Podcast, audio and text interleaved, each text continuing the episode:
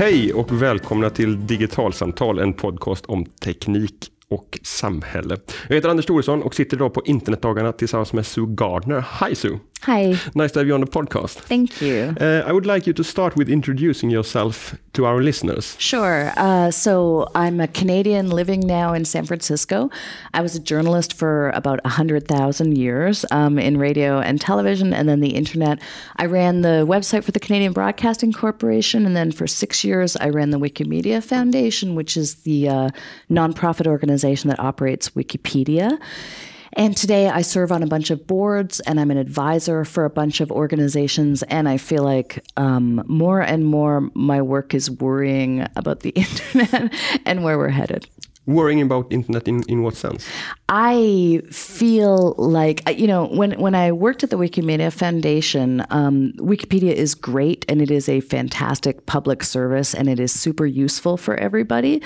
Um, but when I was working there, I, I would also kind of see how the internet was developing around us, and I I guess I increasingly started to feel like I was on a kind of oasis, right? Like we were fantastic. And I always sort of used to think, oh, you know, there's Wikipedia and stuff like Wikipedia. And then it gradually came to kind of dawn on me that there wasn't other stuff like Wikipedia, right? That the business model that the internet was developing was one really that was built around the idea of sort of collecting a lot of data mm-hmm. about people and then targeting them with a bunch of stuff. And, you know, the way that I don't know, we spend our time on the internet was not in ways that I think anybody feels really well served by. You know, we waste a lot of time, we wander around, we sort of graze, we come awake feeling kind of unsatisfied and unfulfilled. And so I guess, like, when I look back at what we thought it was going to be like and what we hoped it was going to be like, uh, it feels to me like a lot of that initial promise has really been squandered and it's kind of depressing. Why has it been squandered, do you think? What, what, what is it that, that, has happened that, that has changed your, your view? Well, to some degree, it's just the natural evolution, right? Um, what, what history shows us is that anytime there's a new kind of radical disruptive communications breakthrough, right? A new technology like the telephone or the um, radio or TV, right?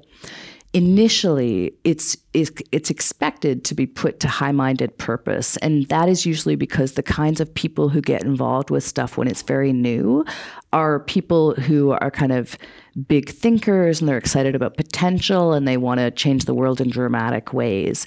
And then as whatever the technology is as it gets more widespread adoption as it becomes popular folks uh, want to find ways to commercialize it and make a bunch of money out of it. Usually they succeed and the thing ends up getting turned into kind of commercial uses rather than kind of public service usages. So that's normal, yeah. right? What I think is less normal about the internet is is their overwhelming success in doing that extremely quickly, right? And so we find ourselves in a situation now where, you know, there are five or six companies that control a lot of the kind of attention economy, right? They control a lot of the sort of landscape of yep. the internet. And they've gotten really, really good, really, really quickly, right? At um, getting us to use their products in ways that are super beneficial for them, and they are making billions and billions of dollars, but are not that fulfilling for the rest of us. So I guess it's not surprising that it happened. It's maybe a little bit surprising that it happened as quickly as it mm-hmm. did. Uh, in your keynote speech here here at Internetdagarna, you, you you were talking about what happened leading up to the US election 2016. Why do you think that is uh, important and interesting to, to talk about?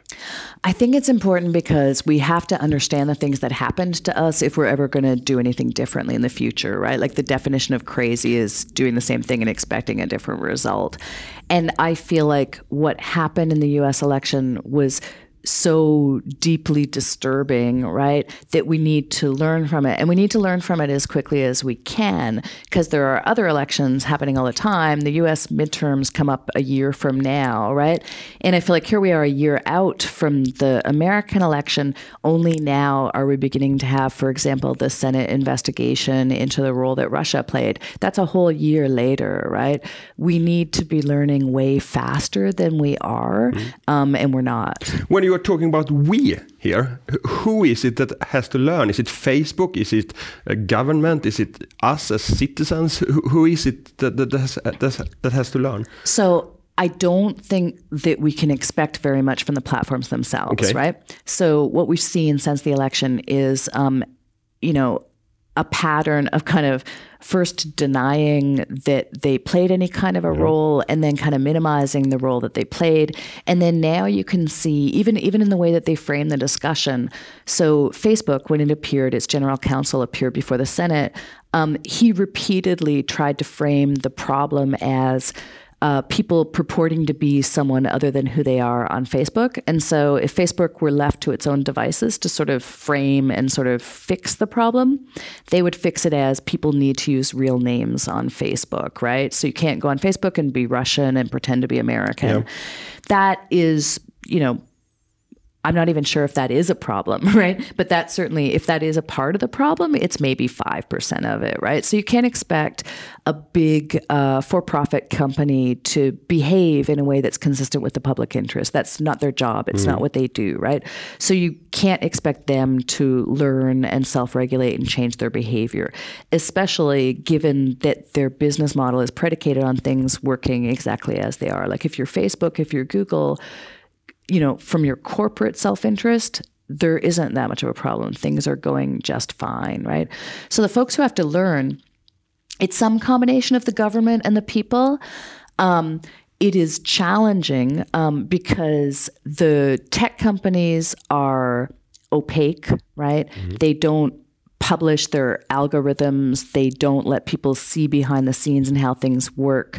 They're not even really being more than kind of minimally um, disclosing. Uh, with the Senate investigations. And so it's hard to expect the government to really understand what they're doing and to really grapple with it successfully. That's okay. Regulation has always sort of followed reality, it doesn't lead, um, so they can catch up. Uh, it's also a lot to expect from ordinary people too, right? Because we don't have any special insight into what the platforms are doing, and we also I think surveys show that we bring to the platforms a whole lot of positive associations, in part because you know we are enjoying some of the time that we spend on them. There are there are really good things about them, right? The access to sort of a diversity of perspectives and stuff like that is great.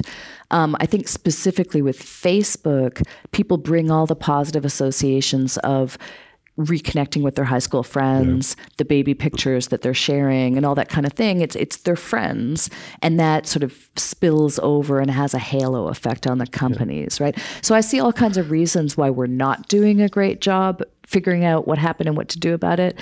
Um, and I don't probably see uh, a lot of reason to expect that it's going to be different, but I hope that we can okay. make it different. But we we are seeing Facebook doing initiatives like adding added transparency about who runs ads on, on their sites. Uh, isn't can't technology provide new kinds of transparency and and and stuff uh, into politics and and and such going forward? You think? You would hope so, right? And one of the questions I ask myself is like how seriously are they taking these issues? And and the way that you would answer that question is are they changing the platform itself, right? Facebook, if it's serious, it will do things on Facebook. So when I see them, for example, funding uh, journalistic institutions to kind of look at trust and fake news and stuff like that, that to me is is not serious. That's that's a sort of PR move, right? Mm. When they do things that change stuff on the actual platform, that has more impact because that scales, right? Yeah. That has reach. So um, some initiatives like the one that you describe, I think, are a good thing. But I was in a conversation with a guy from Facebook I think it was about a month ago, and he was telling me that one of the uh, sort of new attributes or features that they're toying with is they're considering in the United States taking um, uh, your elected representatives and putting their material in your feed as a kind of a counterbalance. So you're getting all this sort of fake stuff. Maybe you will get some stuff from your representatives. Maybe that will help. And I found that actually really kind of disturbing because okay. what that said to me, if, if I haven't followed, you know, my senator, I presumably don't want them in my feed. It suggested to me that what Facebook was doing was looking to mollify stakeholders, right? Because the Senate is calling them to account, Yeah, so they're okay. going to put the mm, Senate right. Mm, mm. And I just thought that doesn't seem like a sincere attempt to grapple with any of this. And it made me concerned that in the same way that the platforms make accommodations with authoritarian regimes, right? They won't show a certain kind of content or whatever maybe they're beginning to see themselves as at a kind of meta level and all governments as sort of equivalent stakeholders to be managed as opposed to being um, folks to be engaged with honestly and sincerely. What do you think could be changed on a platform like Facebook?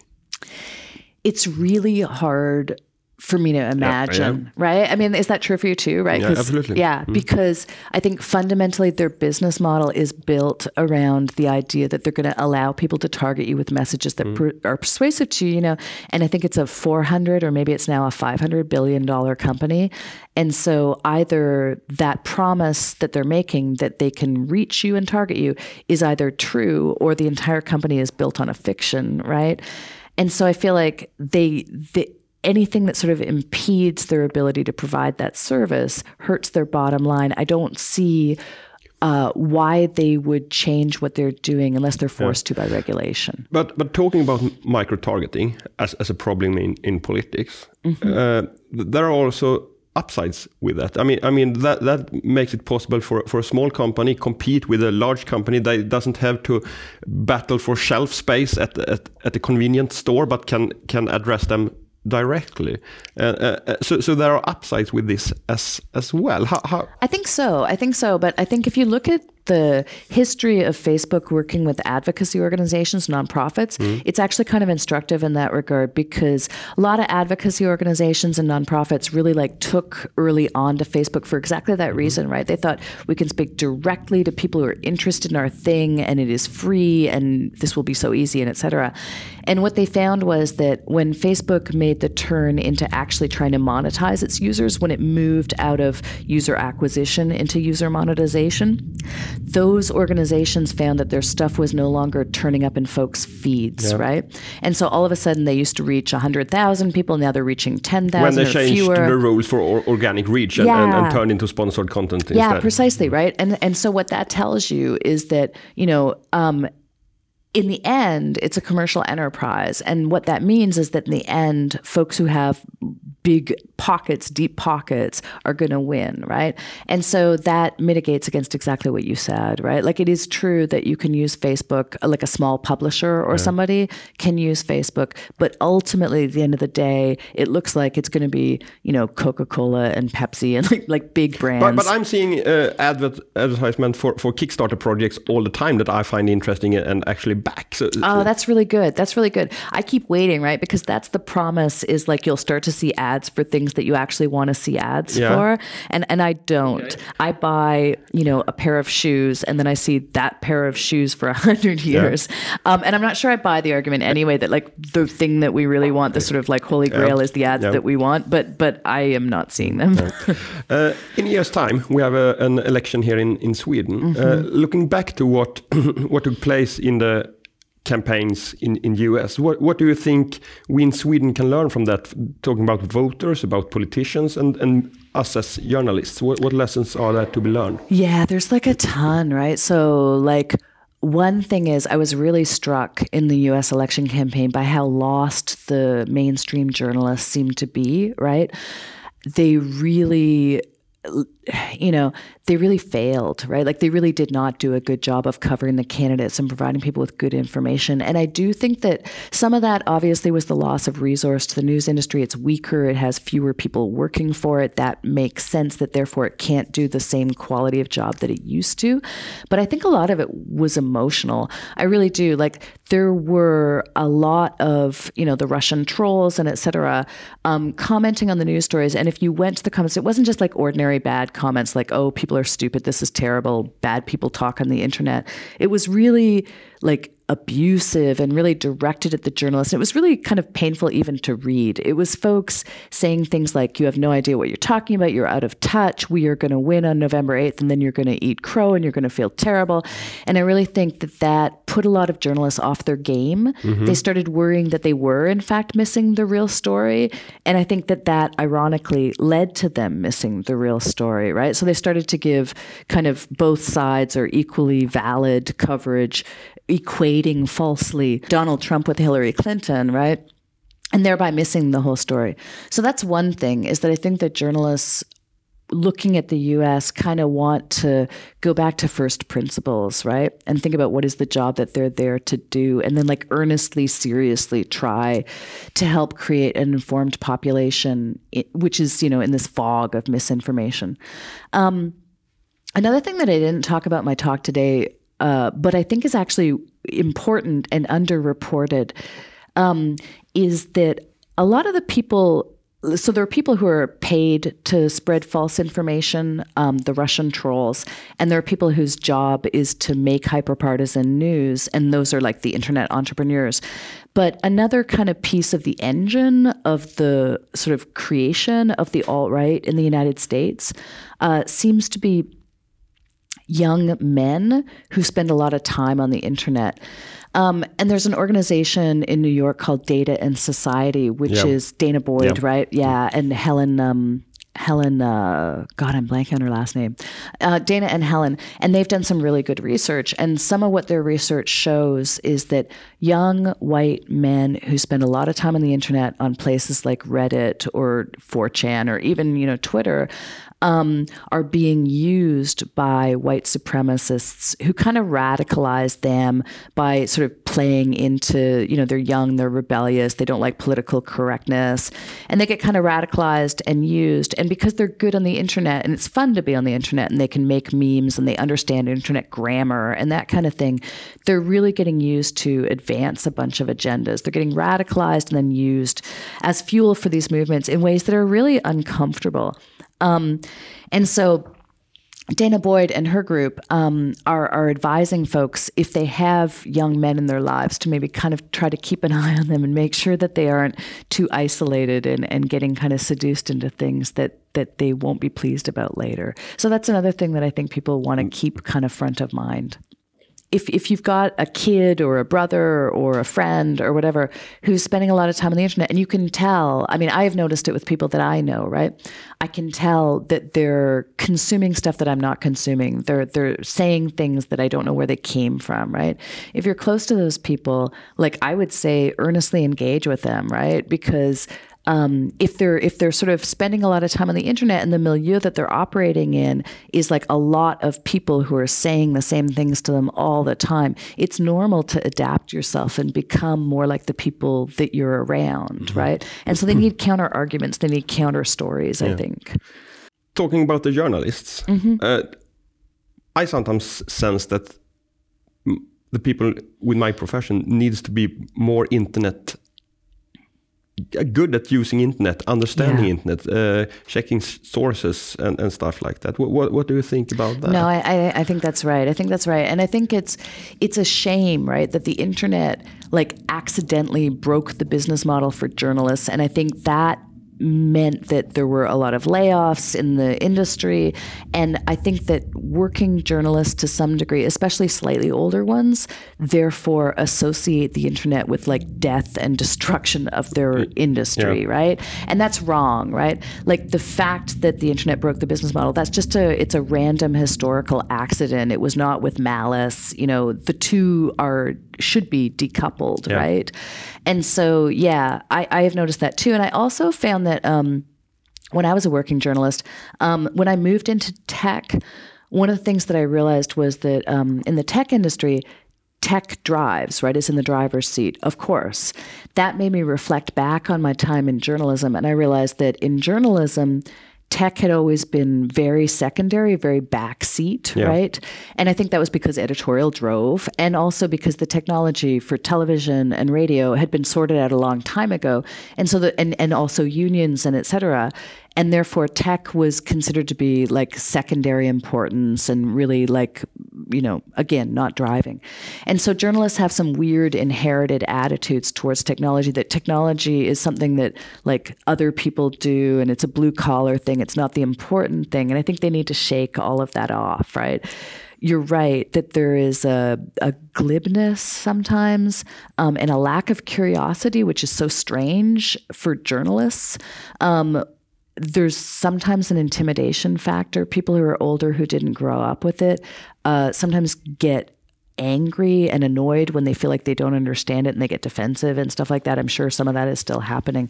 Yeah, and all of that is bad, right? Like yeah. it's a world that needs to be engaged and the societal implications of it are absolutely huge, mm. right? And it is worthy of a lot of journalistic scrutiny, yeah. I think. Um, where we are now, it's easy to get dystopian about mm -hmm. what's what's happening online. What can be done to counteract this? Are there reasons to be dystopian? You think? Are there positive? I like honestly, I feel dystopian most of the time, right? Like I really do. Like I look at it and and it's like a you know, it's it's like it's like all the dystopian sci-fi that I was reading, you know, 10 or 15 years ago, right? All of it. So so I'm very worried. I'm very worried about the ability that we have to track people and to know where they are and to sort of feed them predatory loans and like yeah. all this sort of stuff. Yeah. It's all terrible, right? If we're going to get out of this and and to be honest i feel like in the united states i feel like it's over right? Like i, I deeply feel like the us is a failing society. It hasn't invested in its people. It's now starting to reap that. I think it's too late for them to figure this out honestly. Um, but i feel like in countries that have a tradition of stronger government and stronger public services that do invest in their people um, I feel like there is more uh, hope there. And I don't feel like there is a single magic bullet solution, no. but I feel like there are the ordinary solutions, yeah. right? The ordinary sort of like a regulatory context that tries to protect people. You have so much more of that in the EU than anybody else, right? Like that is helpful and that is frightening yeah. to the tech companies they they worry about it right that's a good thing yeah. it is it is constraining them um, so stuff like that smarter government smarter regulation more taxation, perhaps, yeah. that then the money can be put into public services, that but, kind of thing. many of the technology developments are, are actually dual use. One thing I read about uh, this spring is, is um, American researchers that have, by analyzing images on, on Instagram, you can tell whether people a, a person is depressed mm -hmm. or, or not. And this technology can obviously be used by insurance companies, for instance, mm-hmm. to, to calculate insurance rates, mm-hmm. but it could also be used by healthcare to screen and help people earlier on. Uh, and I sometimes f- feel a little bit worried that we are missing on, on the good uses. Oh, no, we totally are. We totally are, right? Yeah. But that's a power thing. That's a power and money thing, right? Like I spoke at um, UPenn, the University of Pennsylvania, yeah. um, had a graduating class that had been uh, uh, simultaneously taught computer science and then a bunch of sort of humanities and poli sci and okay. stuff like that. Um, and I went and spoke to them and I asked them what they were doing after graduation. And honestly, I expected that some small proportion of them would be going into public service tech of some kind, right?